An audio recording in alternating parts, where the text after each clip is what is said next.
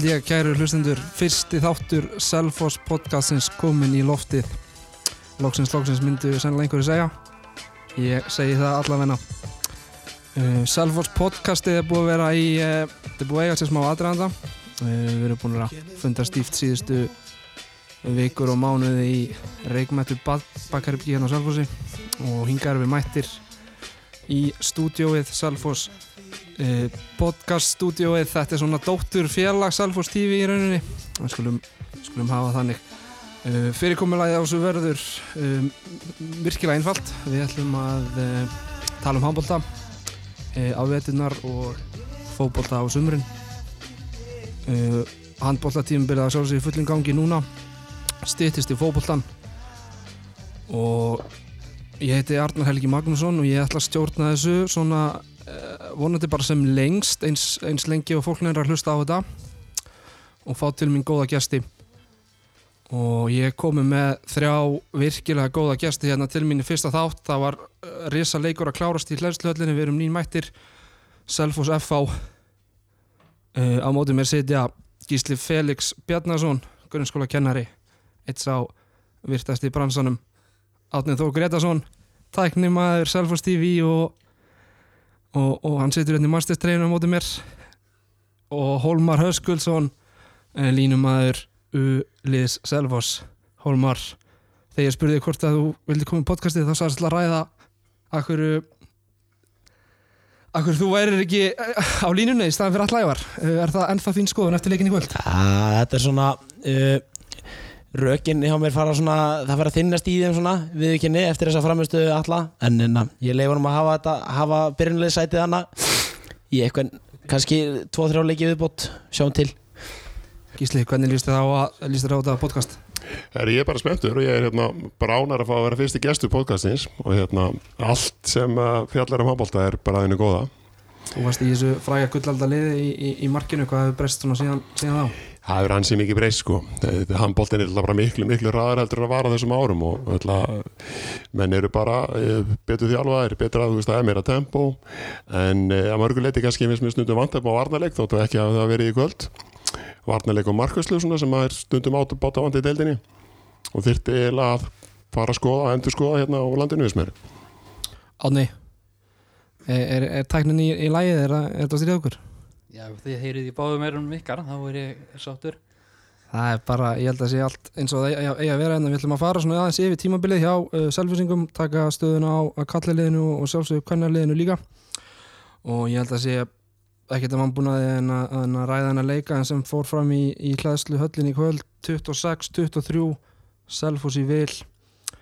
Uh, Selvisingar lög grunin að þessum sigri í fyrir áleik með uh, stórkosluðum já, varnarleik uh, F-fæðingar náðu þessu enga veginn á stryk en, en svo fóru komið smá hnögrar í þetta í byrjun síðara háleiksa sem að F-fæðingar snýru leiknum sér í hag en, en Selvisingar náðu að loka þessu uh, að lokum Holmar þetta var bara flott framistæða í, í alla staði hjá, hjá Selfossliðinu Já, klálega, við vorum fasti fyrir í vörninni og svona þó var maður kannski misstampin aðna sóknarlega upp eftir lok fyrir álegsins og svona fyrstu tíu í senni, ég hugsa að það hefði verið alveg korter af leiknum sem bara það kom ekki mark líka við. En upp á móti þá spilum við virkilega flotta og, og fasta vörn. Bara á markvæslan kom bara svona þeir voru að taka það bólta sem þurft að taka í rauninni. Það voru ekki eitthvað brjálast að mikið um hana en, en no Gísli, Pavel og, og Sölvi hafa svona verið gaggrindir um, ég vetur Pavel steg upp í kvöld og, og var með já, þó nokkur nokkur marga bólta varða og, og þeir komu á mikilvægum tímpunktum um, Já, jú, jú, það má kannski orða það þannig. Hann alltaf var með geggja vörtur fram að sig og hérna, mér fannst þetta mörgulegt skrítinleikur hérna, varnarleikurinn eins og sé bara geggjaður, sérstaklega í fyriráleik og fengum okkur áttamörku fyriráleik og þar að fannst mér svona kannski 2-3 þeirra eða bara eitthvað sem við áttum að koma veg fyrir. Varkværsla var fín jú í fyriráleik en mér fannst hún ekki upp á marga fisk í sennáleik með að eiginlega hversu varnarleikur var góður sko. Þannig að enn 12-13 boltar, það er svo sem alveg í lei Algjörlega, allir ævar uh, bara, þú veist þessi, þessi leikmaður gjör sannlega frábæri kvöld 8 mörg og 9 skotum. Átni, hann er þ- bara geggjaða leikmaður að hafa í sínu liði og ég hugsa að sé ekkert sérstaklega skemmtilegt að, spila mótunum Nei, ég get ímyndað mér að, að fólk hati að spila móti svona manni. Því líkt nöyt á línunni sko. Það- alvöru, var svo gladur í smá. Hann bara brost allan leikin og hérna, ég hef ekki séð allan svona geislandi sko inn á vellinu, en hann allan átti geggjaðan leik sko. Það har aldrei verið svona skemmtilegt að horfa á hann spila handbólta og, og samt hefur það verið frekar skemmtilegt hingað til. Já, Það var svona, En- það var, var gleði yfir þessu á honum svona, var gaman að sjá. Þetta er svona með því betra sem hefur séð til, til hans. Ég ætla að nýta tækifærið og taka henni viðtal fyrir sendinbylgjuna eftir leik en, en hann var okkur inn í klefa þannig að Það var svo gáðan hjá hann Já, það er gáði honum. Ég, ég hérna á bara inn í honum. En eh, eftir, eftir leiki kvöldsins, eh, Haukar og, nei, Valur og afturölding gera jafntefli eftir að, aftur, að- aftur, afturölding leiti með hvað fjórum mörgum í, í hálfleik. Uh, við hefum alveg vilja að fá afturöldinga sigur í kvöld, Gísli.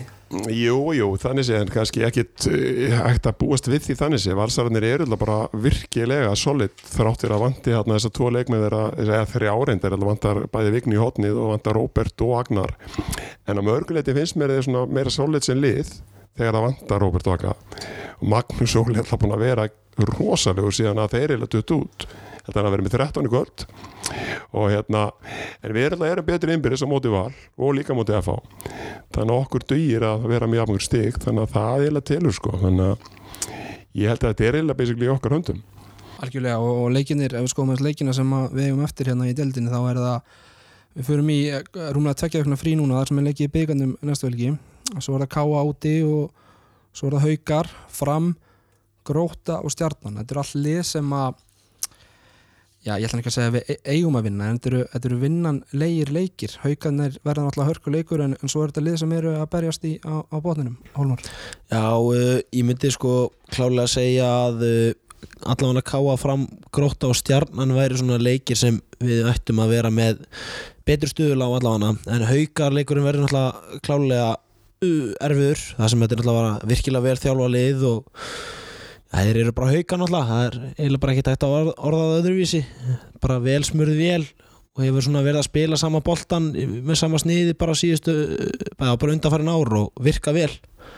Þannig að verður svona, þetta verður sennilega úslita leikur tímabilsins að ég held þessi hauka leikur.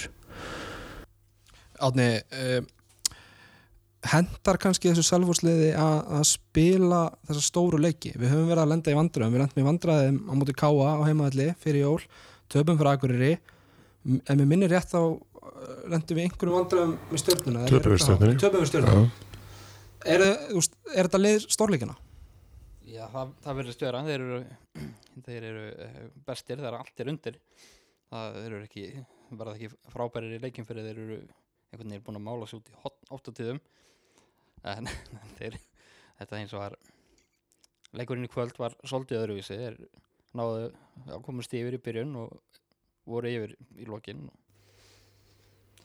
Ég held við getum verið sammála gísla því að þetta er svolítið í okkar höndum. Þessi leikir, ef við skoðum leikina sem eru eftir þá er þetta ja, ef, við, ef við uh, gefum okkur það að við vinnum haugana þó það sé nú ekki gefið en, en þá er þetta allt leikir sem að uh, Selfoss á að vera sterkara Já, fyrir það er eiginlega vandamáli sko. Já, að, að þetta eru akkurat leikinni sem að selfa þess ávara sterkara og við, sko, okkur hefur oft eh, já, við oft höndlað illa að vera favorites í leikjum. Minn eftir höllinni fyrra mútið fram við vorum mjög svona stífir hrætti við að taka ákvarðinni við töpum fyrir, gerði játtuleik á töpum fyrir stjörnunni og reyndar haugum við vorum fengum fimmstu úr þessum sko, þessu sambarilegri hreinu í síðustöfum þannig að ég er svona eiginlega oft hrættari sko fyrir leikin sem við eigum að vinna, getum orðað þannig. Á, á okkur svona líður betur að vera eh, svona underdogin Já. einhvern veginn. Ég er bara horfum á ég er búin að vinna á allt tvísar og F og tvísar. uh, Eitthvað meira um en F-áleik að segja í kvöld? Bara stórkurslega liðsframistaða og, og ég held að geta allir verið sáttu með uh, endalógin á þessum, þessum frábæra fyrsta skuldi. Ég ætla bara gaman að sjá varnarleikin, ég meina hann er að verða betur og betri og mér finnst þessi hérna þetta uppleg með Hauk og, og Elvar í, í þristónum er alveg bara ótrúlega vel hefnað og þú veist það gleymist þetta mjög oft þessi drákar eru oft teknir út sem alltaf báðir landslismenn en sko þeirra harnarlutverk er mjög vannmetið og ef við bara horfum á Elvar ég meina hann var með betri varnarmönnum á HM, við getum orðað þannig. Þannig að hérna, við gleymum því hlutverki mjög oft. Sildra að vera með flesta löglega stöðunir bara í íslenska landsliðinu. og þetta er alltaf styð kannski aðeins úr þeim sóknarlega en, en það er vörðin sem vinnur mótin, við vitum það alveg og leikmar eins og Hergi Grímsson hann átti erfitt uppdráttar í sóknarleiknum í kvöld.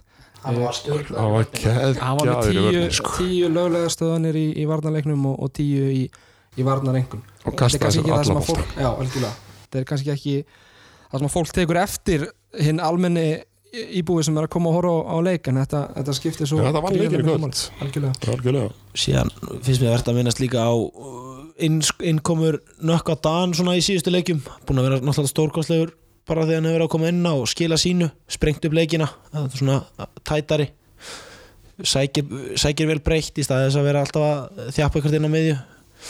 Ég, og- ég og Kísli varum hægt að ræða þetta var fyrir hvað, hvað þetta er svona virkilega stert vopn að fá inn í vopnabúr selfinsingana algjörlega, við skulum ræða nökkvað en síðan eftir hann geti, geti mögulega leggið að stærra hlutverk í þessu liði á, á næsta tímabili. Um, Herðu, ef við skoðum aðeins svona já, bara tímabili í heilt hjá, hjá Karlaliði Selfos um, það eru þetta þessi Evrópukefni fræga sem að við sem að við náðum svo, svo langt í. Uh, mætum hann að þremur liðum Dragunas, Rico Rib, hvernig ber maður fram? Ribni- Ribnitsa. Ribnitsa.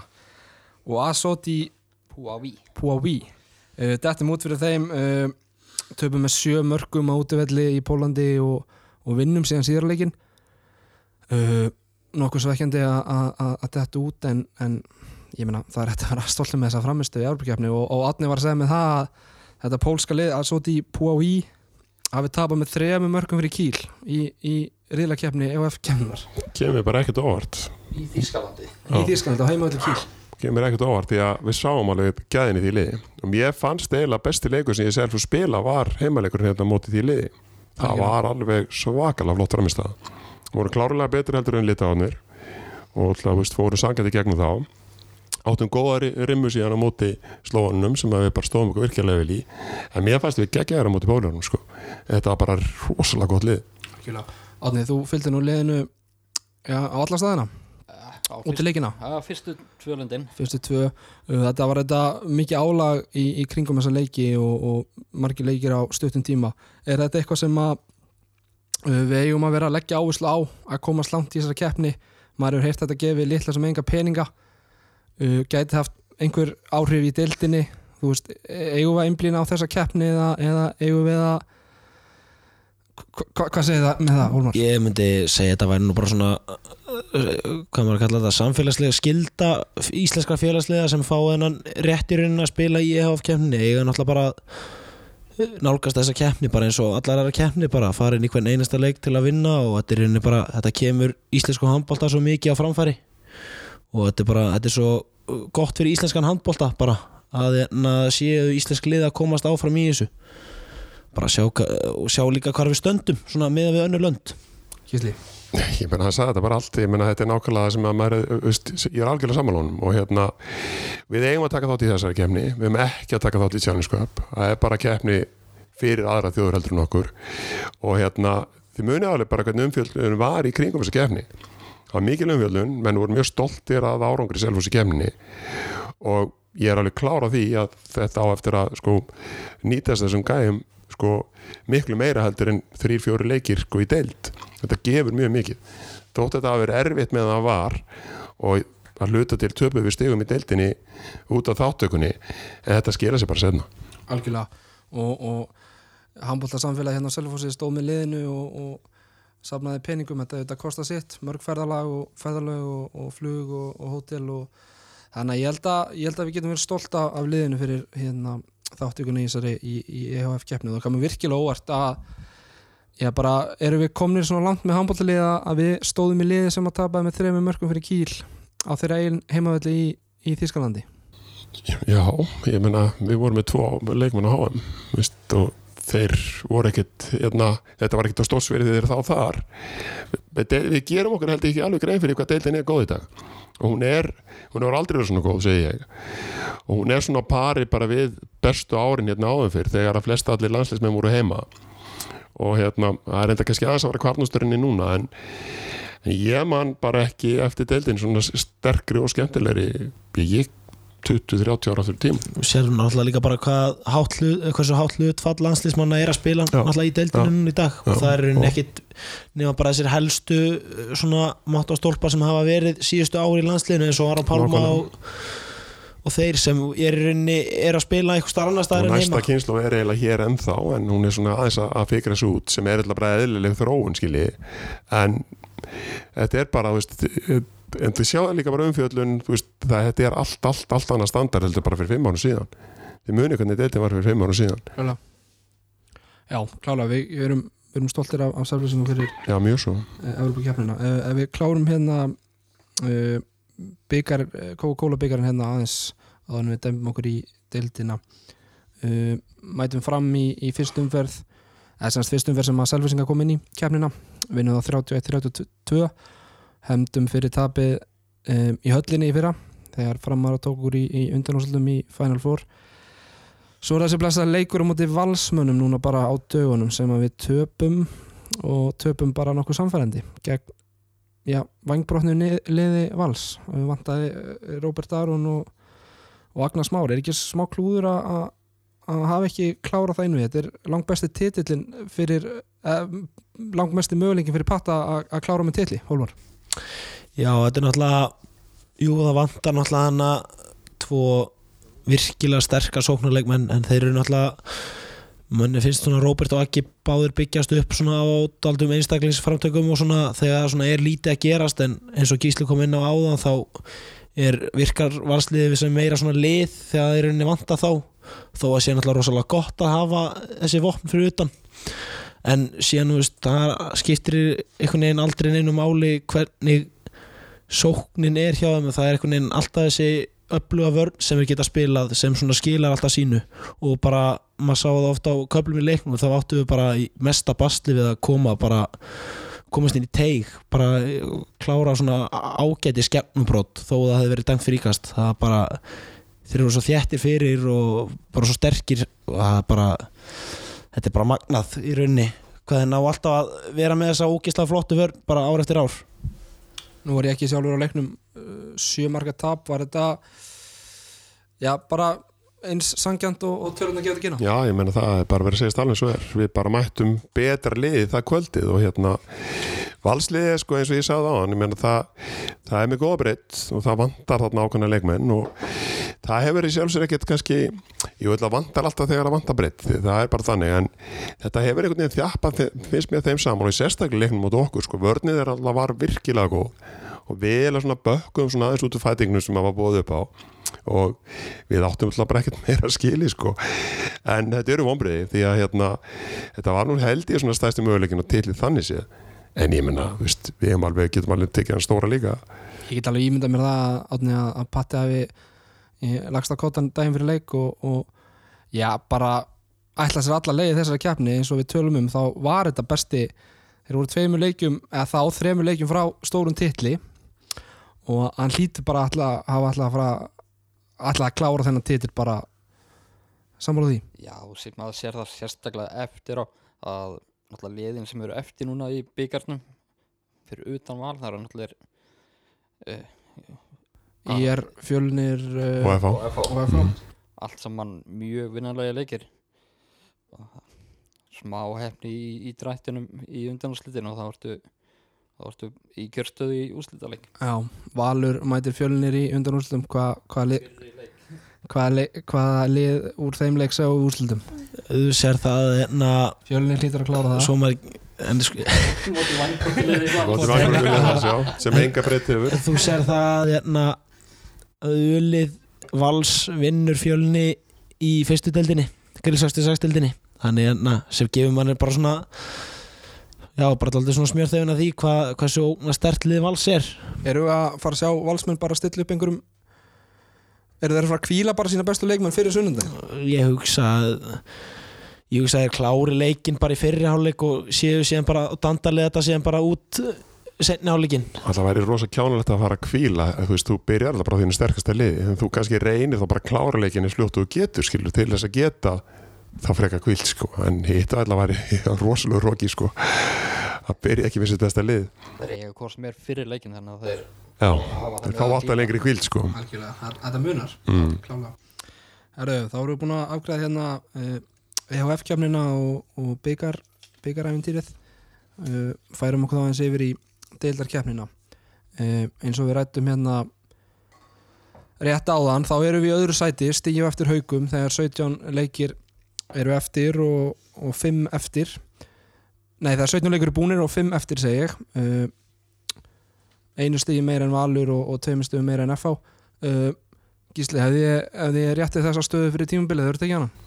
Já, ég hugsa það nú, það ætla að væri algjört vanþæklað að segja annað að, hérna, við erum í kjörstöðu, ég menna við erum með þetta í eigin hendi og ef maður er í kjörstöðu og með þetta í eigin hendi að vera deildamistari þá að væri maður rosalega vanþækláttur ef, ef maður tækja hann ekki sko. Við ætla ekki verið þannig í þessu stöðuna minni fyrra og núna. Þannig að já, ég hefði gert það. En hversu, hversu svekkjandi er að horfa á þessa leiki á móti um, þessum slakari liðum um, sem að við erum að tapa stigum á móti? Þú veist við er þið, er þið horfið á það sem einhver vonbreið að hafa ekki kl- klárað þá leiki? Já, það náttúrulega leikir kannski eins og síðasta leikurinn núna fyrir áramóta móti Akureyri. Við töpum náttúrulega honum og í rauninni kannski bæð, hef, væri hægt að skrifa það mögulega á Evrópikemna, það var náttúrulega mikið álega á okkur þá og svona ég var að ræða við grímu um þetta um daginn og þá varum við talað um sko að það hefði verið svona pínu downkabli hjá okkur og svona hafi vantað eitthvað svona þjætleika í liðið og eitthvað En er það ekki samt fegurinn við deildina sko? Við ætlaðum að verðum að horfa á það að topplið í dag, haugarnir, þeir fóru sko á Akureyri og steinla á eitthvað í annar umferð. Já, 13-14 marka tap sko. Þannig að hérna, það er eiginlega finnst mér fegurinn og dýrðin við deildin er það að þú getur ekkert leiftir að mæta á móti liði sem eru við botnin og ætla að gera það með eitthvað með vinstri, þú með þá bara tapar.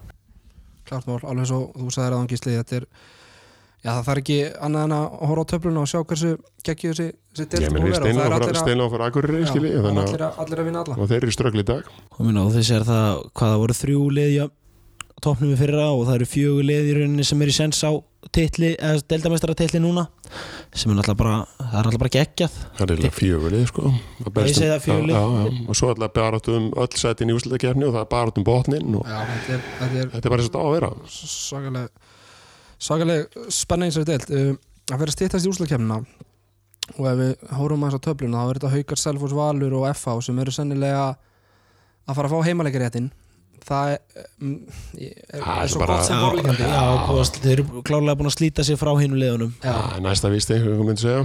Hvaða lið um, í þessum neðri fjórum sem eru ef við tökum bara stöðunni svona í dag hvaða liði viljum við ekki mæta í áttalúslu Við vorum að ræða þetta á hann Sko Þetta er nefnilega aldrei trikki sko. Um, Ég myndi ekki vilja að mæta stjörnunni sem að tók fjáraleikja rönn hérna fyrir jólin sem að var bara geggjalið, þú veist, þegar Egil var á fullu Ari var á fullu, Arnóta var á fullu Leo geggjar í hotninu Sveinbjörn varði eins og brjálæðingur. Ég myndi, samt, ég myndi svo síðan vilja mæta stjörnulinn sem spilaði sko þrjá síðustu leiki fyrir síðustu leik.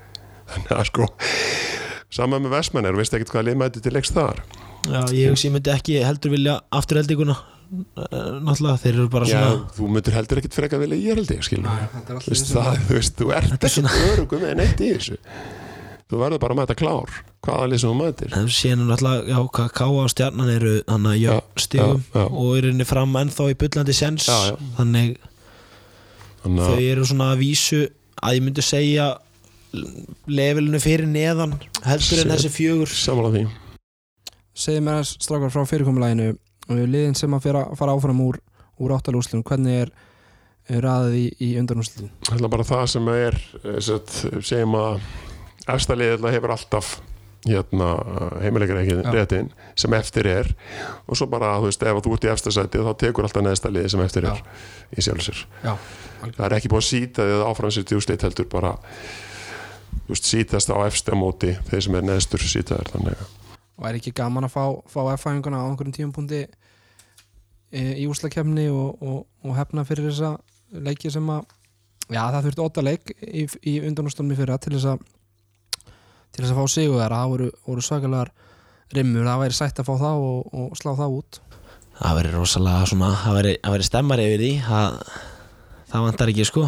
En það er náttúrulega síðan náttúrulega uh, jú, klárlega hefna en er, mér finnst þetta ekki einhvern veginn vera sama F-hálið eins og hefur verið síðustu ár. Það er það samanlega því. Búin að missa marga, marga líkil það gíslir ekki og svo alltaf er alltaf vant á örfenda leikmenni sem sakir standa, ég veit ekki hvernig verður með Einar sko, hvort hann spila meira, vitið þið það? Mér, ég sá hann í uppbytunum í dag og, Já. og hann, var að, hann var að taka skot á markið og, Ok. og, og Haldur þjálfari F-áinga svoleiðis öskra á hann svo að hætta þessu eins og skot. Já, ok, hann ja, hætti ekki að vera að leika sér í uppbytun að hérna hann er þessi liðilega greiðlega mikilvægur, þú veist bara allt hann að flota á liðinu þegar það er örfendu maður hann fyrir utan. Algjörlega. Mikilvægt fyrir þá að, að ef hann eh, tæki þátt í í úslakefni þú færið að ráða eitthvað, eitthvað af þessum fjórum neðri liðum sem að Selfoss má mæta í í úslakefni, áttalega úslum, hvað, hvað lið tekur um? Og ekkert klísi svar.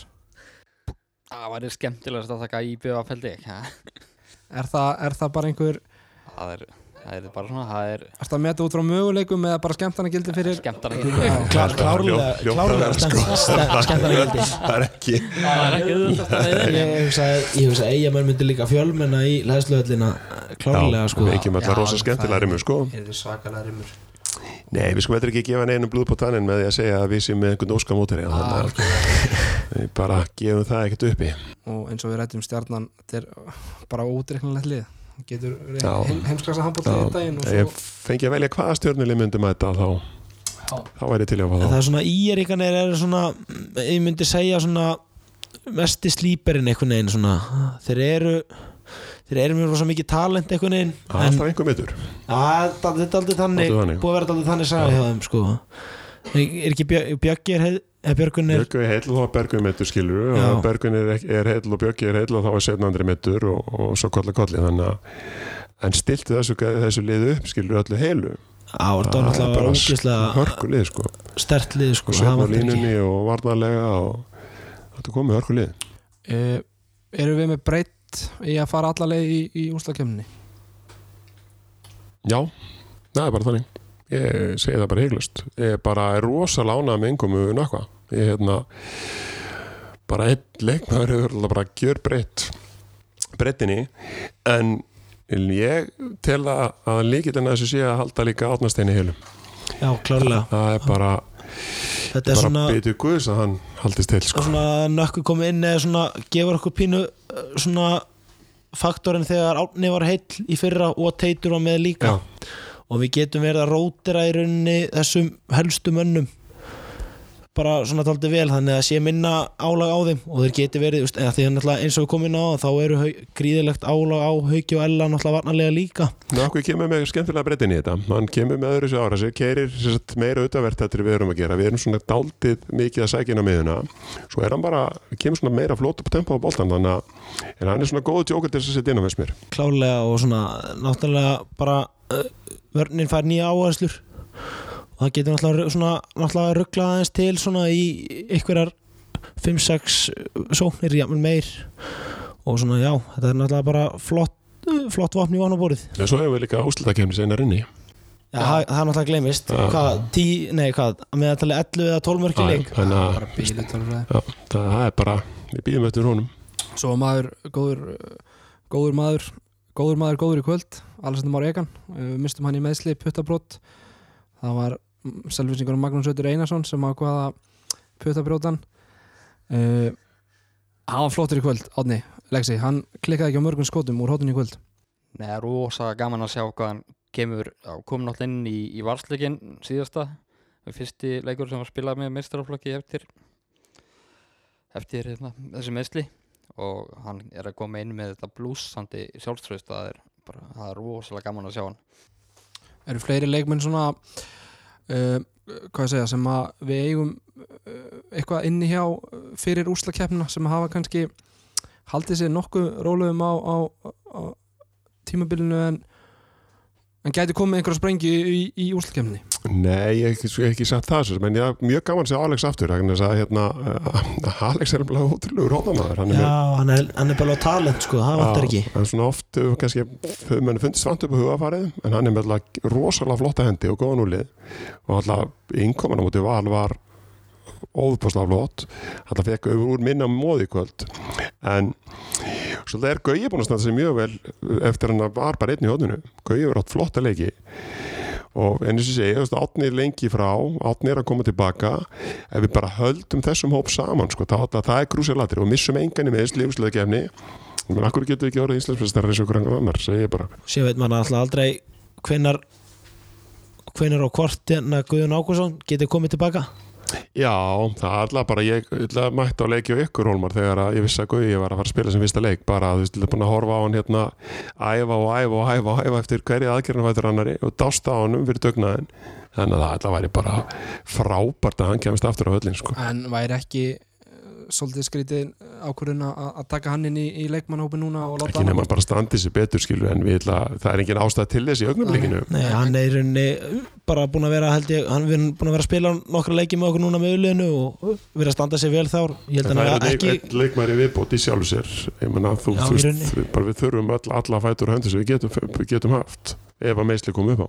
Klálega og, og Guðjón Yngri Baldursson, nei Baldur Ómarsson, já, uh, það er leikmaður sem þarf að fá mínútur bara á mótið þeim bestu til þess að, til þess að bæta sig sem, sem leikmaður. Guðjón hefur staðið sér mjög vel. Ég menna, Gauji er með gott slút. Ég ætla að þjálfa Gauja í mörg ári í ynglökunum þá allavega hann að skitta hann vantar svona aðeins kjöta á hann. Og gæði er að spila með sliti crossband sko. Það, það er ótrúlegt reykjala fljótur strákur. Hann er mjög fljótur og hann er bara mjög hérna, svona athletic leikmaður. Já, svona kvikur á löpunum Já. og svona en það vantar kíló upp á vörnina sko. það er kannski það sem að árum helst finnst mér. Hann á erð með þú veist, að klippa út þegar að, þegar að skiptun út þegar hann hefur bara ekki þingdina ofta á tíðum til þess að standast þessum það, og það 20 er, já klálega það er svona það sem að mann finnst ekan hafi fram með mikið ég, svona ég er samanlega því að hann er með svona, hann er með kílóin á hann. Já, Rauninni. og tímasetningar í, í þegar að að hérna, hóttamæður ná að, klippa út skiptuna Það var maður sem kom, kom upp að mér í, í leiknum í kvöld, Salfos FH uh, ónefndur aðili og, og spurum að því hvort að það væri ekki bara klárt mál að Hergi Grímsson væri bara einn allra mikilvægasti leikmaðurinn í þessu liði. Ekki bara framist hann á vellinum heldur hann er svo geggjaði karakter hann er svo hann er svo, hefur svo gaman að hlutunum veist, hann er alltaf að peppa menni einhvern veginn áfram og er bara bara alliða bara frábæri persóna og, og stórkvæmstu leikmaður að, að auki er, er, þið sammála þessu? já, það þurfa allir einn að, ég menna sá hann í kvöld hann var út um allt sko hann lá á gólfinu, skuttla þess að þrjá fyrir að bolta stalboltum, braut, hvað það eru, tíu fríkost Já, tíu já. það mætti hérna skjóta fleiri bara svona beinum skotum já, og svona hann líka bara það eru bara líka hluti sem hann var bara að gera í fyrstu leikju tímabilsins og var bara og klúðraði þetta skoti sko. Mann finnst svona, hann er að færast aðeins í- meira yfir í hann svona slúttara einhvern hann veginn er í svona, að stöð, stundum að yfirhugsa slútið sinna aðeins Já. svo mikið sko. Þannig bara að láta vaða. Leið og hann hérna tók bara ef mitt, þrjú í röð þá bara leta hann að vaða. Hann var ekkert að hugsa um að snúa hann á næri eða snúa hann á fjæri eða vipa hann bara neldi boltanum í netti en fyrst það, af fremst er hann bara dýrmættur sko, búst prímas mótur í baratu liðsins. Og kemur rosalega góða Hann var framleikja. já, klál, uh, já, hann var að framleikja já, já, það bara Var það Patti sem gerði hergerða hodnamanni? Eða var það Stebbi? það var jú, það var steppi eða Er ekki það ekki? ég held að hann hefði byrjað hjá enna í horninu hjá spila þess Stebba að törut á miðinni og stefa og ég minna og, og kom náttúrulega núna var það ekki núna bara á þessu tímabili í byrjun þegar var eitthvað, voru eitthvað meðst á var ekki eina vandræðan guðums alltaf að tala um að væri hóttumæður það væri bara horna tittur já, samt alltaf í land, yngri landsliðunum eitthvað í skittu eitthvað að djöflast. En, var ekki Elvar líka hóttumæður og einar það það. erum við með eitthvað fleiri sem eru horna menni að eina guðmunds? Bara öll undir 1.90 þá var Já. það það er enna Nei, hann líka bara svona sem styggu stuðnismæður klúpsins nú, náttúrulega núna síðustu ára það var svona þegar þið fórum að tala um þetta svona upp á stemninguna þá þegar maður hugsaði úti að þá hafa svona fáir leikmenn svona kveikt ja, mikið í stúkunni Já, eins og er sammála hann kemur með bara svona kemur með svo mikið svona bara svo dýrmætt play bara, hann kasta sér eftir boltanum og vinnur sér fram fyrir gæjan sem er sko þrís og sinnum stærri en hann og bara það er svona ekta hundur í honum Mhm. og svona almenni borgarinn fílar þetta. Það er svona þetta kveikir í munum Algjörlega. Og þetta eru kannski þeir leikmenn sem við erum að ræða núna sem að fá ekki þessa vikulu umfyllinu í þessum uppgjörstáttum og við sjáum meira af sem að mætum á Selfoss leiki. Svo er þetta bara, þú veist, haugur elvar, þú veist, sem að þarf ekki að Varnarleikur fær oft færri mínútur í sjónvarpi, það er Já, bara staðrind, og hefur alltaf verið, ég menna við bara horfum aðrar íþróttir, ég menna við horfum á þá sem skoraðast inn í körfunni en, eða þá sem skora mörkin í fótboltanum. Gleymum oft hinum enda vallarinn, sko. Og tölum um allir ævar á hann svo geggjaði að mann bara eins og guðuna allir ævar var ekki út af í kvöld fyrir að, að veri, hann var í hérna rifinni treyju og, og guðni kom inn á og skoraði eftir 7 sekundur eftir hann var búin inn á eitthvað? Það er bara solid þegar að þú hefur leikmenn sem bara, þú veist, eru að, hvað maður segja, að töða yfir sínu hlutskipti að vera varamenn, en grípa svo bara sensin þegar hann, hann þú veist, opnast fyrir þannig að það náttúrulega bara að vera. Já, bara þegar bara þú ert tilbúin að bekknum og síðan þegar þú fær kallið inn þá áttu bara að koma og vera að sjá bara hvað er þessi búin að vera að gera vittlust þá ger ég það rétt og Ég bara koma með eitthvað inn í leikin alveg rosalega innkomur, ég menna átt marga stóra leiki þegar þið töl til yfir þurft. Og hann er alltaf bara rosalega dýrmætur þessu liði. Mjög náttúrulega reynslu mikill og svona hefur Já. unni titil og og hefur líka þessa baróttu svona sem að stundur smitar út frá sér. Klálega það er einn leikmaður sem er langar að ræða við ykkur. Uh, Patrik Jónasinni leiðist að ræðan kom til Selfoss fyrir tímabilið. Uh, er pólskur, markmaður heitir Pavel Kjupulski uh, búin að spila í, í pólsku deildinni, atvinnumanna deild uh, hefur svona átt góða leiki og, og kannski aðeins fleiri slæmaleiki uh, hefur hann staðið undir væntingum og, og þeim væntingum sem að gerða voru til hans fyrir tímabilið?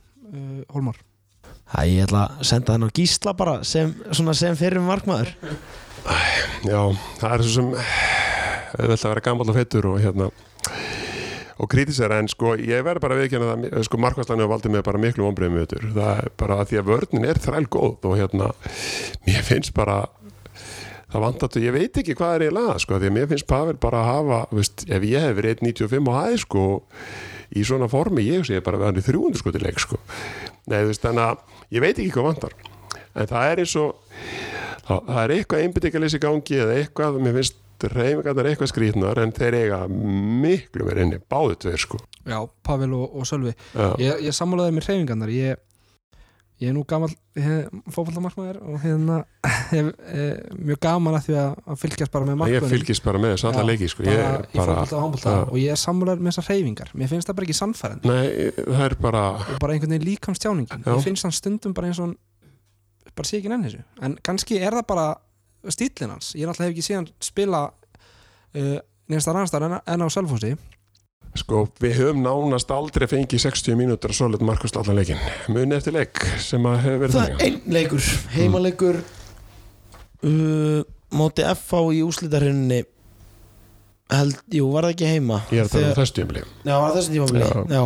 Eh, Ég, ég man ekki eftir á þessum tímabili Ég man eftir á síðast tímabili. Já, þá alltaf átti Sölvi stórkostlega innkomur en, en eins og ég, okkur vant, eins og ég veit samt ekki hvað þetta er en það er eins og bara sjálfstöðsig farið eða eitthvað, alltaf mikið rætt um þetta. En hérna við þurfum að bæta þetta og ætlum að vera íslensistar það er bara þannig. Átni og maður maður veit alveg að þessi strákar eru að gera sitt allra besta og þeir eru ekki að, að- að verja ekki skot viljandi maður er einhvern veginn svona hálf, hálf vorkunum eins og það kom leikur á móti hverju um daginn sem að þeir voru með samtals tóbolta hann með vestmennið í BVF, þú veist. Ma, maður hálf, hálf vorkunum eftir svona, svona framistöður og, og eins og ég segi þá eru þeir vantar ekki að reyna að verja ekki handbóltaskot Nei, það held, held ég að það sé allir að reyna, reyna að gera eitthvað á þessum velli. Það er ekki spurning en það, er einhvað, einhvað sem vantar í í hugafari eða ég veit ekki hverju en já, Pavel hefur svona, maður held, held að væri sem, svona lengi að koma sér koma sér inn í inn í deildina, maður veit að hann þegar hann kom á Selfoss þá var hann alltaf bara ný stíðin upp úr vondum eðslum Er hann ennþá jafn að segja þeim með það? Uh, nei, alveg örglega ekki. Þú veist, hann var í, í mjög lélugu formi þegar hann kom á Selfoss og hann var veist, eftir leiki gjörsanlega búinn á því. En hann, er það nú ekki lengur þó hann sé alltaf, alltaf einhvern veginn svona aðeins haldrandi og aðeins stígandi við sko Patti talaði um það eftir þessa fyrstu leiki að hann þyrfti tíma til þess að koma sér inn í deildina og maður var alltaf að vona að það væri bara að fara að verða komið já. en hann er nú valla ennþá að að koma sér eitthvað sérstaklega inn í deildin, haldið þið það? eina sem maður er hrættu við hvort að uh, þessi veikindans séu að hafa áhrif ég, að það er náttúrulega eitthvað sem maður er ekki, ekki gott að ráða við. Það er stæðlega erfitt að þess að svona, kannski eina sérstakar stöðu í liðinu en hérna sko þeir, auðvitað er að það eru alltaf allir að gera sitt besta en, en þegar maður líka lendir í þessum spíral þú veist að eiga nokkra liðlega leiki þá alltaf fer þetta ofta á sáluna manni og maður missir sjálfströstið og það er bara það versta sem maður lendir í sko. Og það kemur strax nýr á rithmanum í manni og maður fer að reyfa þessu öðru sem veldur maður gerði. Og ég veit ekki hvort að þeir séu bara komnir í einhvern svona kannski sko þá bara eins og þau þurfum bara að teka sjálfstöðu tilbaka. Og hérna þá gerist þetta en við þurfum samt að við þurfum að laga þetta sko að við ætlum að markastinni kvöld var allt í lægi en hefðu hún ekki verið búin að vera svona lítil undar, leikjum undan þá hefðu við ekkert verið full sátti kannski við markastin held ég. Týðkast ekki á Íslanda að vera með markmanns þjálfara í, í, í liðum í ólistöldinni? Jú, það held ég og ég verðum bara við það í yngurlokkun líka við verðum að leggja meira rætt við þetta, það er bara þannig. E, eru þeir að fá einhverja Nei, þjálfun? nei, nei, nei. en kannski sko, jú, jú, það er alltaf en þú þarft að byrja sko neðar. Það er bara þannig, þú þarft að byrja bara á grunnreyðingum sko, en auðvitað þarftu líka að segja mér mönnum til. En við er, við, við erum að ræða þetta sko vandamál í íslenskum handbólta í hvað, til 80-40 ára eða ekki Akkurat. og við meina, akkur breytu þessu ekki? Við verðum að gera eitthvað í þessu sko. Og við sér það líka svona það hafa við hefum nú átt heimsklassa leikmenn líku við að manni finnst svona í nokkurn veginn öllum stöðum fyrir utan í rauninni þessa markmannstöðu.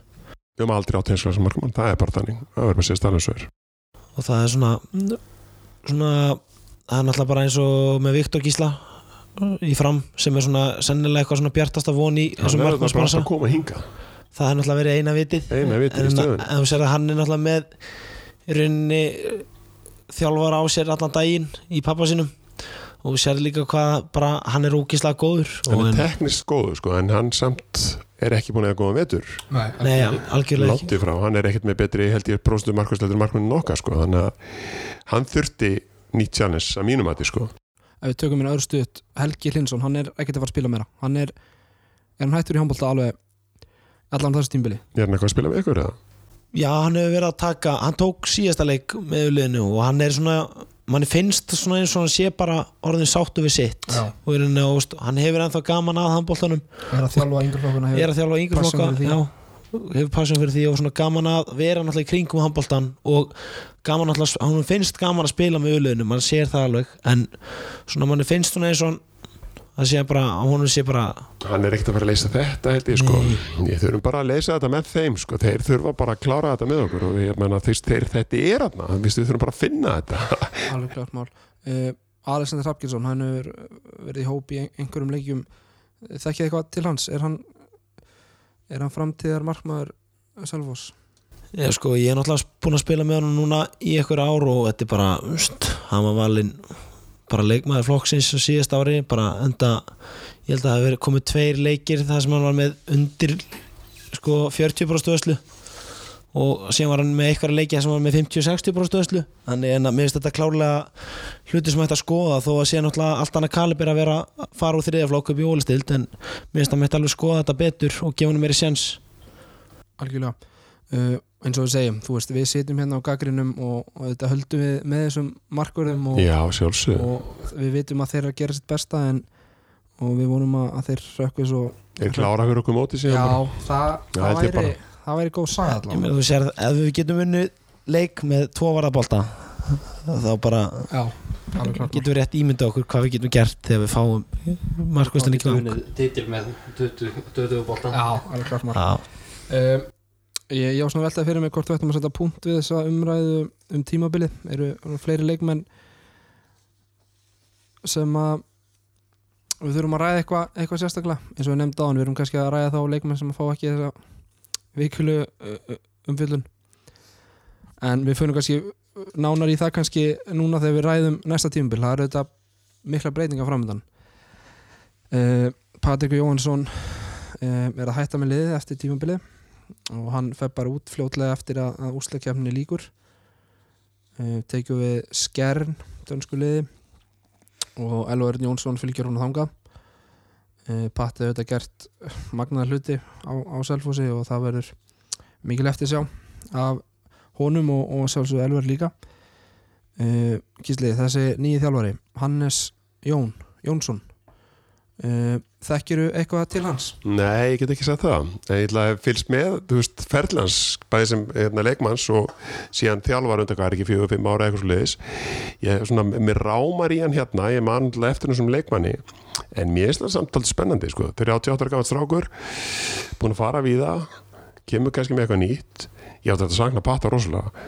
Pata hefur ekki bara komið með svona einhvern handbóltakultúr hérna, Pata hefur einhvern veginn það hefur komið svona mjög, mjög jákæði ströma með Patrik, hann hefur rósa mikið öllu í kringum félagið og svona verið mjög duglega við að peppa alla í kringum sig og það hefur komið alveg rosalega jákæði andurslót með Patta og ég vona bara að ég það haldi áfram.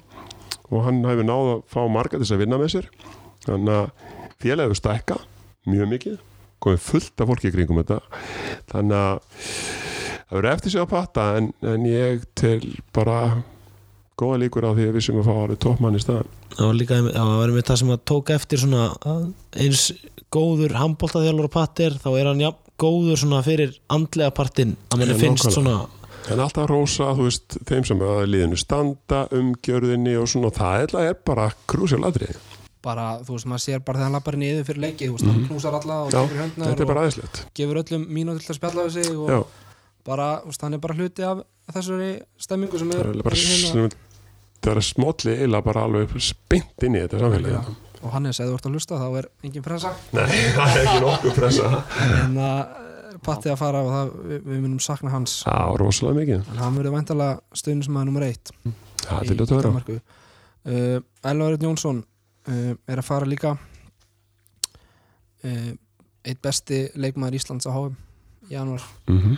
klárlega. Bara búið að vera unun að að fylgjast með honum hérna og, og vonandi munum bara vegna sem best uh, í Danmörku. Og, og við munum halda með honum og, og, og Patrik þar. Uh, við rættum nökkvi á þann uh, er nökkvi leikmaður sem getur komið bara algjörlega fyrir elvar? Eða erum við að fara e, erum við að fara á, á leikmaðarmarkaðin og, og sækja einhverja stjörnu sem að teku við elvari? Eða er er nökkvi leikmaður sem getur fyllt í, í hans skarð það er náttúrulega ég hugsa að sé ekki mjög margir íslenski leikmenn í dag sem ég gæti rauninni fyllt upp í skarð elvarsarnar en hérna en ökkur klárlega hlut, en það er leikmaður sem gæti bjargað mjög mikið. Og sér bara hvernig hann er búin að eiga flottar innkomur og hann getur maður hérna, myndi nú halda að hann gæti klárlega svona náða fyrirkvæða sig alltaf nær og nær í rauninni að vera bara flottur starter og minna, hann er náttúrulega ungur hann er jafn gammal elvari. Það er 97 Hann er 97 já. og hann er ennþá bara eins og Elvar, hann er ennþá að verða betri þannig maður hefði klárlega haldið að hérna, hann gæti alveg svona fyllt upp í skarðið eins vel og hægt er að fylla það Já, ég, ég vil ekki alveg taka svona djúti árinni sko. ég, hérna, hann er flott viðbót við liði núna en, og er satt flottur svona áttundu leikmaður inn en við þurfum sko, elvar er þetta miklu miklu meiri skita og gegja varnamaður og við þurfum eiginlega bara að reysa leikmann til þess að fylla skarra servas við verðum bara að segja alveg sver ég menna ef við myndum nefna íslenska leikmenn þá er eiginlega ekkit sko, við, við erum þá að ræða bara sko Óla Guðmunds eða Aron Pálma eða skilur ég er þannig þakkalið bara skilur er næsta tímabil kannski bara smá kaplaskil eru við að fara að leifa þessum ungum önnum bara að spila og, þá, og og sætt okkur við það kannski bara er, er hægt að ætlast til þess að liði verða að bæra svona titla uh, Ég held að við sem ekki var að setja okkur við að setja að gefa eftir þannig að ég veit það bara en ef við fyllum ekki í elvaskarð ef við gerum það, við en gerum það. hvernig gerum við það? Ég, ég sko Hannes Jón er ekki að koma þarna og missa elvar og reyna ekki að finna leikmenn til þess að fylla skarið. Ég get bara að lofa þér því. Það, og, og stjórnin er heldur ekki að því. Það er alveg pottið komið leiti í gang. Þeir eru ekki verið að sætta sig við eitthvað ég veit ekkert um það. En sko ef ég þekki þessa stjórnir rétt sko þá er hún ekki bara situr hún ekki að býða þetta þjálfarinn komi sko. Þannig að það er alveg pottið til leiti í gangi. Átni, Elvar, hvernig fyllum við hans skarð? það, er erfitt að fylla skarð besta leikmann stildarinnar mínum að en uh, það er mögulega hægt að fylla hann skarð með, tveimur leikmunum með þá. já, nákvæmlega, tveimur leikmannum frekar en einum leikmanni. Já, kannski nökkva og þá fá kannski skittu, svona alvöru skittu. Það er þrist í vörn og skittu. Já, og það vil gera þannig. Já, ég menna Já. við erum með besta þristin í vörn kannski svona einagæslepa sem við erum að missa. Og við erum að, við erum að missa bara besta allega leikmannin á Íslandi í dag. það er bara þannig. Já, bara að tala þessu bara reynd út ef við tölum, tölum bæði vörn og svo Já, við erum að tala um bara svona hreina íslensku þá hugsaði sér bara nákvæmlega þannig. Já, ég menna það eru góðir sóknarmenn það eru góðir varnarmenn en góðir sóknarmar og góðir varnarmar eins og það er bara ekki til á Íslandi í dag. Punktur. Haldið að Elvar sé svo eini sem er að eh, sem að er í nú, núverandi hóp sem að er að yfirgefa lifið núna eftir leiktíðina. Eru fleiri uh, á leiðinu burt? Hólmar, þú kannski tekur þetta? Já, ég hugsa hugsa sé sá eini svona í byli haugur mun alltaf klárlega að koma til með að fara enda bara efnilegasti leikmaður í heimi ætla ég leifa mér að segja í sínum árgangi. Og hérna, en ég hugsa hann hann tækir nú allavega eitt tímabili viðbót hérna heima á Selfossi.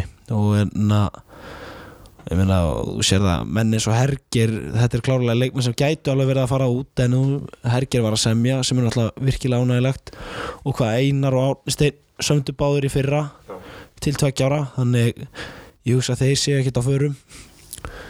Þannig ég hugsa veist, allir búin að koma sér vel fyrir hérna þannig ég hugsa að hann sé bara líka að fara að vera kjör vonandi. Það Já, og, og Guðni líka og Alex og Gauji og ég menna þetta er bara krúsjali við höldu, ég held að þessi engin annar að fara. Nei, það kemur alltaf mjög óvart sko þannig ef einhver annar væri að fara. Ég var að renna yfir listan hérna þeir sem vera samningslösi eftir tímbil og það eru, það eru nokkur sem renna út af samning núna í vor en, en ég meina við viljum bara halda þessum gaurum, öllum það Já, bara ef þeir eru líka skynsamir skilur, þú veist, ég meina, það er bara komin tíma á elvar, við bara verðum bara að horfast í augu við það, ég meina, við sáum það bara núna í janúar.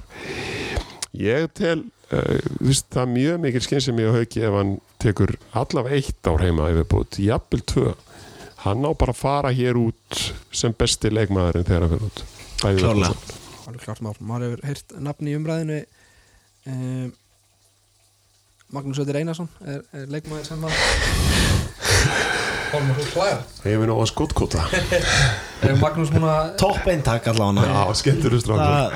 Það, vantar ekki. maður gera þetta selvisingur og, og spila, búin að spila með gróttu e, í vetur og það hefur já, ekkert gengið sérstaklega uh, vel hjá liðinu en, en Magnús hefur átt sína spretti inn á milli.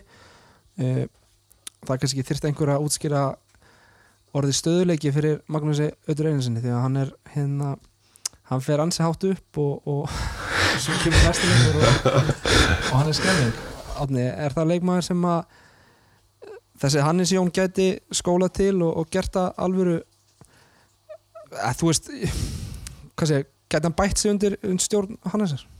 Ég held að það sé, sé þetta ekki spurning sko, að, að með góðum þjálfara þá held ég að hann myndi alltaf ná, ná meiri stöðuleika og verða í, vestafalli mjög góðu skotplayer. en maður veit það ekki. Þetta eru, það er erfitt erfitt að giska í framtíðina sko. bara sögursagnir úr flóanum gæma þá ekki svona meira sem valdkartleikmaður Já, klálega, það er svona hann svona, þegar hann gleymir sér örlítið í því, að veist, þegar hann myndi einbætt þessi pínu meira að gera sitt heldur en að vera kannski cool.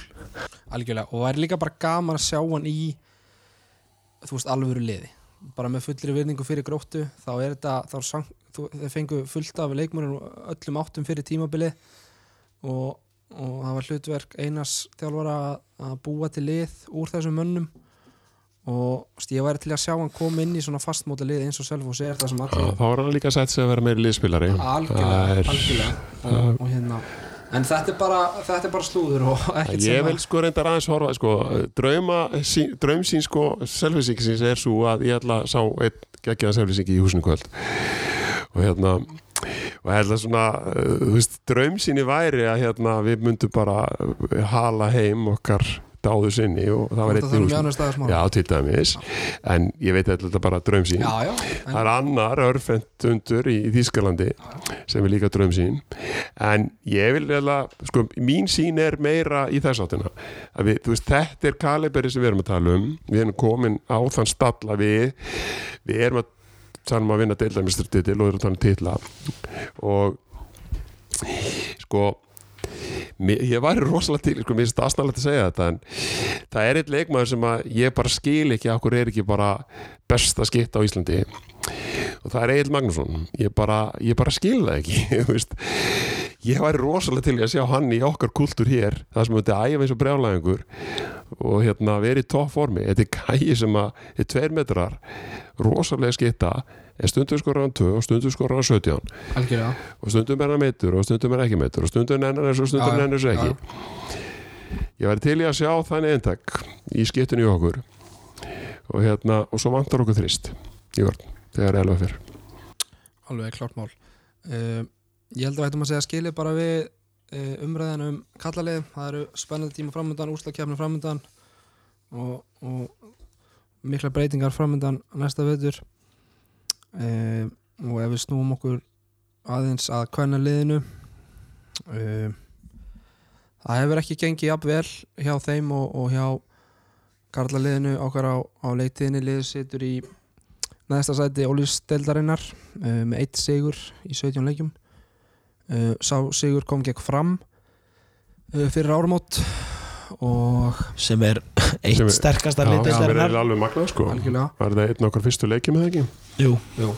og þetta já, og ég, ég aðtrefla mæti stjórnin fyrsta leik held ég. Já, algjörlega. Og þetta, þetta hefur verið sorgarsaga með þetta um, tímabil. Uh, bara miða við til dæmis það hvernig liði leit út á, á Ragnarsmótinu fyrir tímabilið. Um, rústaði mótinu var kannski að keppa við jú, keppti við fjölni, keppti við val og svo var það eitthvað eitt uh, ólistleita lið yfir bót og liðið bara leit frábælega út.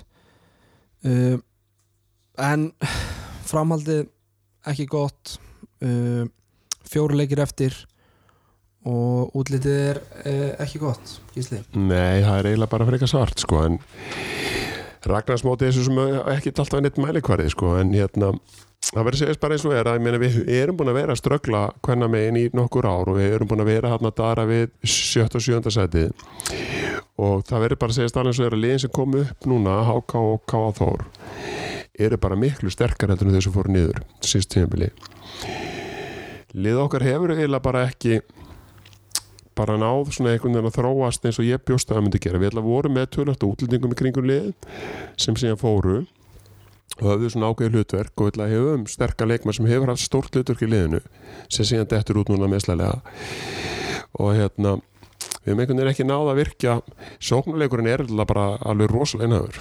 Varnaleikurinn er fýtt hjá þessu liði. Og hérna eiginlega sorglegt eiginlega hvað við erum að koma heilu bara sko háleikarnir sem við skorum allar marg sko.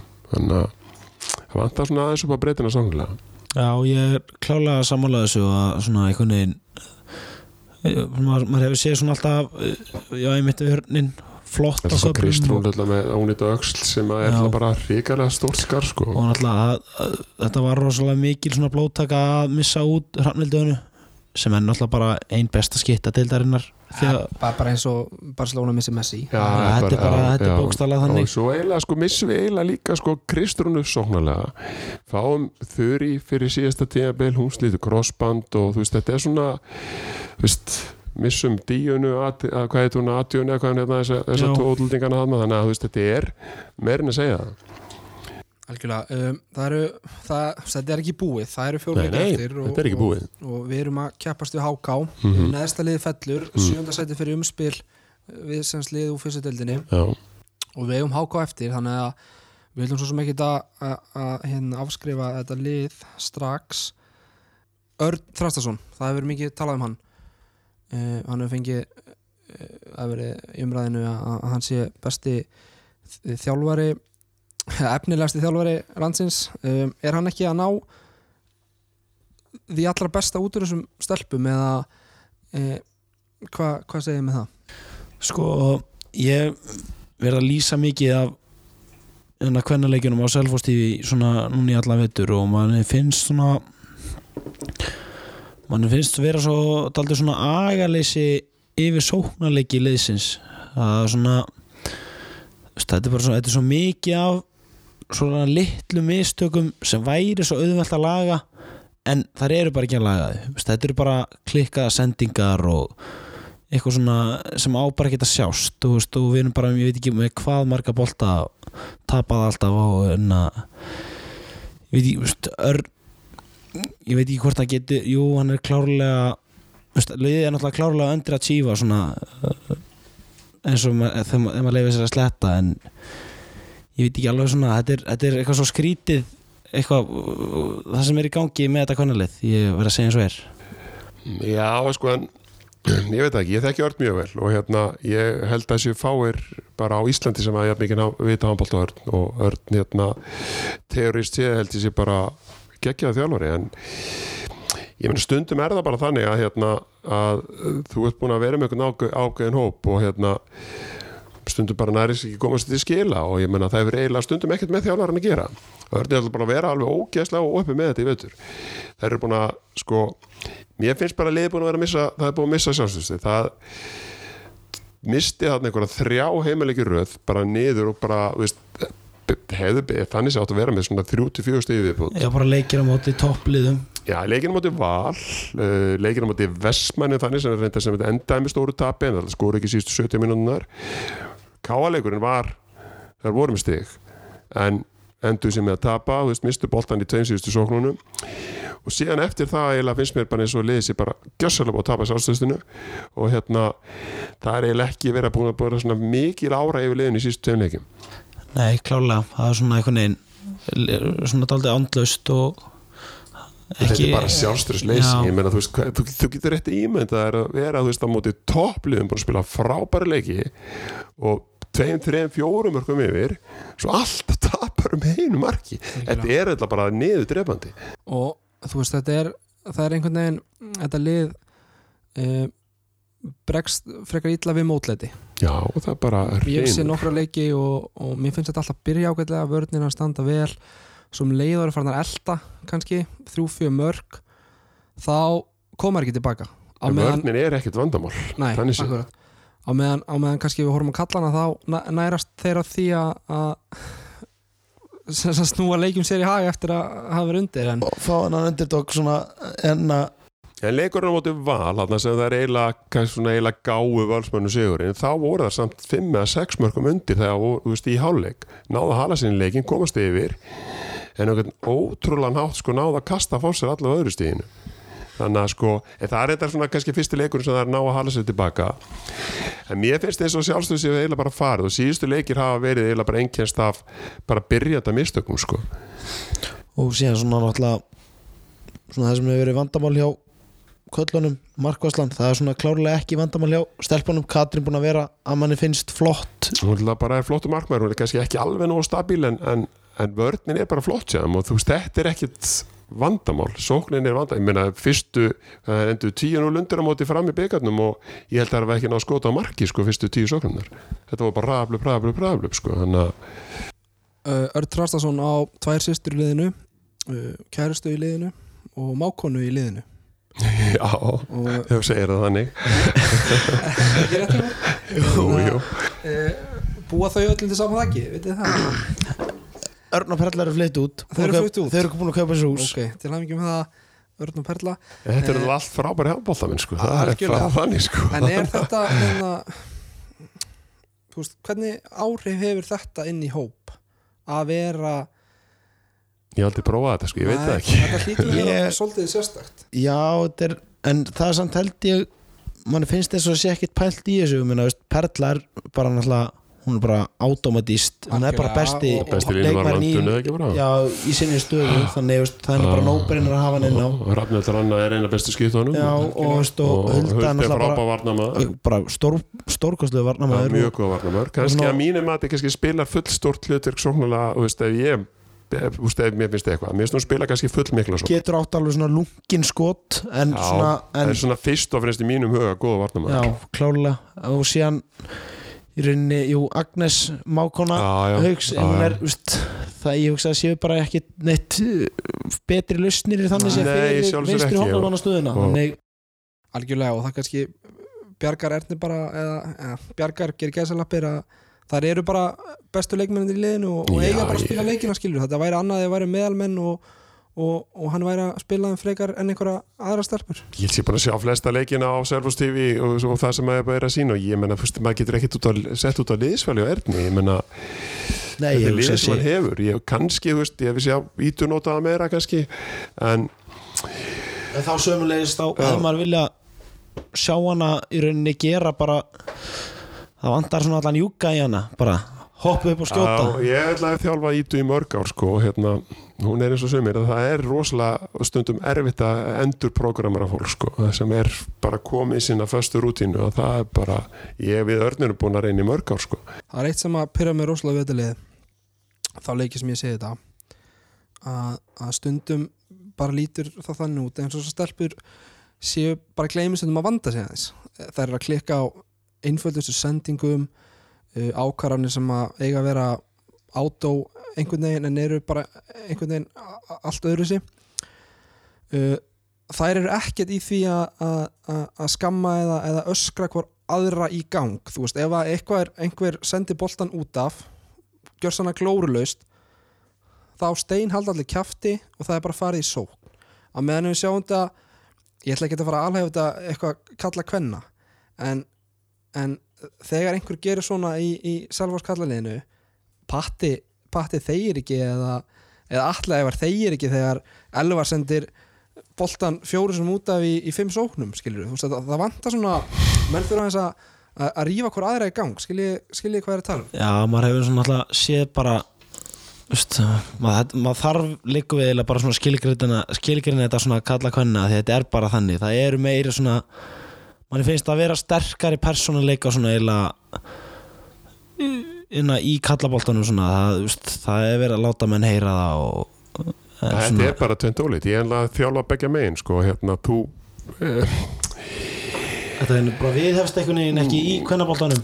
Nei, en það sko, það er líka kannski að mörguleiti og ástæðu löst að vera eitthvað að drulliðu fólk sko. Þú veist, það er bara, þú veist, þú hefur, þú hefur ekkert með því en, en sett, þú, þið, það er kannski frekar peppið skilur algjörlega. Og að láta mannin vita herðu, va- vanda þetta þú Já, en þú veist, A- aðeins að samt hérna- sem áður, þú veist, bara áfram með þig en, Já, en já, þú, algjörlega, þú hefur aldrei neitt út, út úr því að vera skammavól skilur algjörlega. en þær eru viðkvæmari fyrir því, það verður bara að segjast þess og er herðu, uh, ef þetta fer allt á vestaveg með kvennaliði ef við undirbúum okkur undir það vesta uh, svona áður en við klárum þessa umfyllunum með þær erum við ekki fara að taka bara eitt hérna tímabil í, í, fyrstöðlinni rúlega við það, að reyna að halda sem flestum leikmönnum hjá okkur og, og halda svo áfram að byggja ef, ef fræðilegu möguleiki að halda hönnu til dæmis hjá okkur í fyrstu dild er það einhver síns?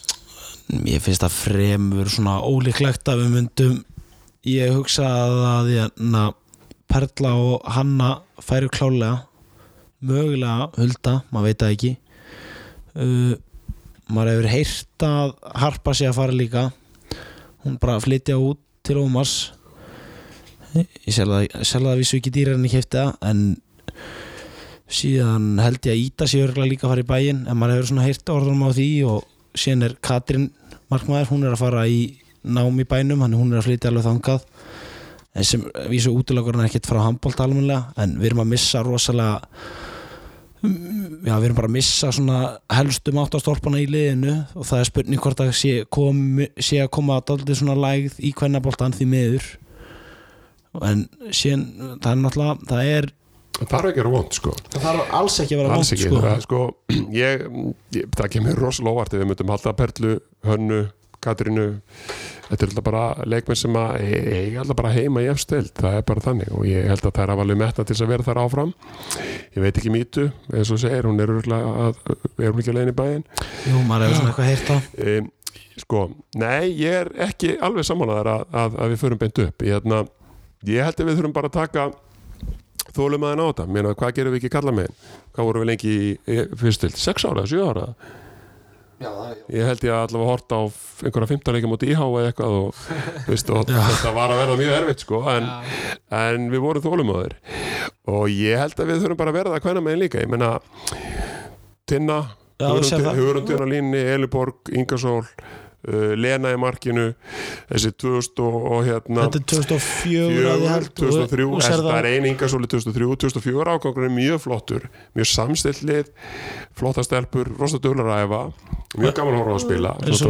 Það, komin ein meira inn í núna fætt 2004 sem er bara bara gríðalegt efni og að mínu viti, þú veist, kannski svona sólar geisli þessa tíðanbils klálega kemur hann 14 ára gömul og jöfna, er svona að bara vera hann í 10 ár sko. Já, Nei, við svona verðum bara að sína þólumæði við gerðum það að kalla megin og það er engin ástæðan til annars en að gera bara hvenna megin líka Er, er Örnmaður í að, í að leiða þetta lið í einhverju uppbyggingu? Ég held að Örn er frábær þjálfari en, en hvort að hann er rétti maður veit ég ekki sko. ég bara er ekki nógu mikið inn í þessu en er spurning náttúrulega alltaf bara svona maður segir Já. svona út frá leikmanna hugsunarhátt svona, þú veist, þá getur veist, ég, get, getur verið rosa fínt að fá svona nýja sín í alltaf rauninni gott á bara. nýtt blóð Þú veist, þá þarf ekki einu sinni Örn er náttúrulega búin að reyna þetta hann fekk Þóri með sér Mhm. inn í lið bara til að fá hérna, svona nýtt svona, hvað Hvað kemur, hvað kemur Þóri með þinn? Veist, þetta, þetta kemur bara með nýtt svona sjónarhón á rauninni þú er mjög góður í svona hérna, þessum tveggjamanna þessar tveggjamanna vinslu og svona þessum þú veist, komið svona stuttur hefingum, hann er mjög góður í því veist, að, að láta tvo, tvo vinna saman og, og svo bara ákveði ró í honum, honum Þóri, það kemur alltaf öðru sína á þetta.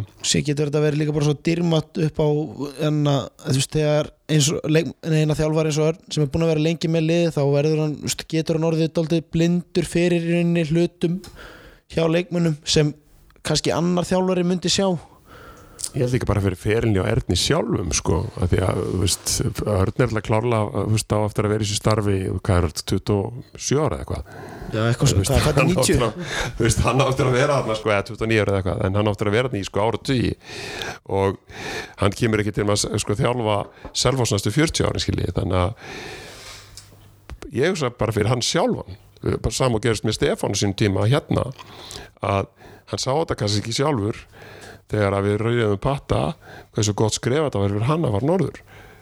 En ég held að hljóta sig á það í dag. Þetta er bara rökrið framhald fyrir hann. Strákar, Pavel er með betri prósendu hlutvall en Katrín í Já, vettur mhm. svona bara fyrst við vorum að gaggrina Pavel og, og hrósa Katrínu. Já, svona að síðustu leikir eru sannlega búin að vera svona flottari á Katrinu hún er búin að, Katri fór mjög hægt að stað. Já, hún er búin að koma svona hægt og þétt en í einhvern þeir veginn leikir inn sem við átt séns hefur hún eiginlega hún hefur farið yfir 20 bolta. Ég man ekki eftir okkar markmenn í, í, í sælhúsliðin að kalla megin hafi farið yfir 20 bolta í leik. Þannig að eh, ég bara man ekki eftir því. hún varð ekki mikið í byrjun tímabils. Það varð mjög lítið í byrjun tímabils, og í valsleiknum þegar við töfum með en Móti Vest- móti vestmæni þegar við skoruðum ekki síðustu 70 minútunar og svona það er bara held ég síðasta leikur núna móti val sem hún var ekkert í rauninni svona, hún átti í rauninni allir svona alveg 6-7 leikir og undan því var, var hún búin að eiga flotta bara alltaf með í kringu 15 bolta varða en ég sá hana akkurat í Ragnarsmótinu og þá er akkurat samt ég bjóst samt við meiru veist, hún að því að hún svona var með svona ágæð reyningamöstur sko, sem að virtist að breyst hún, hún fór út til Danmörkur kom aftur tilbaka og fór svona að taka, var að taka stærri skref og svona fara meir út í hotnin en svo er hann eiginlega aftur svona, var hún á tímabili aftur dott inn í sama munstri og var með þegar áður hún fór út.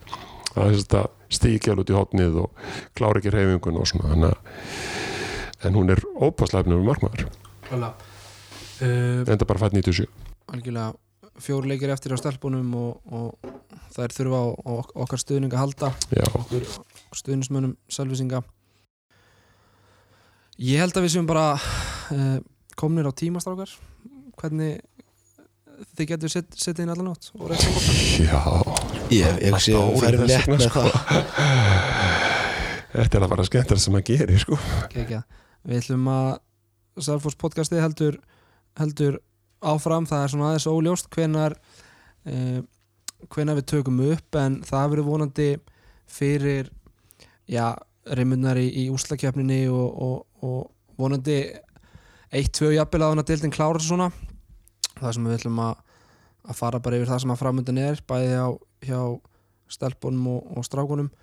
Um, strákar, það var gaman að- vera með ykkur í kvöld. Sumulegis bara. Þetta var virkilega gaman heiður.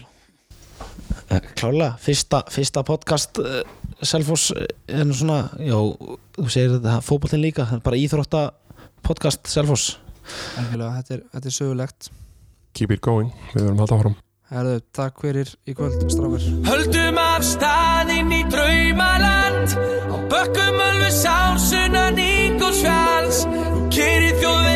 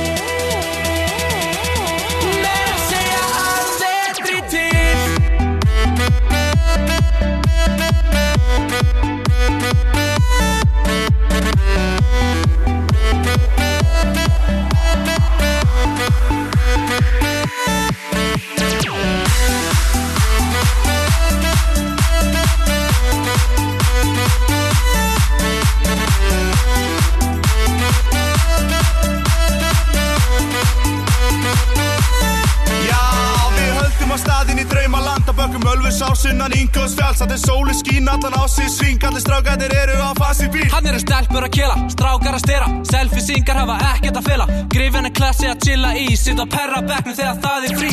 Geggja bíó og geggja brú Besta pulsan og kaffi krús Bensinstöð, sætur hundur Söpvei, sundlu og 800 Áttunda undur vera þar Það vilja allir vera þar. Upp með hendur fyrir FSU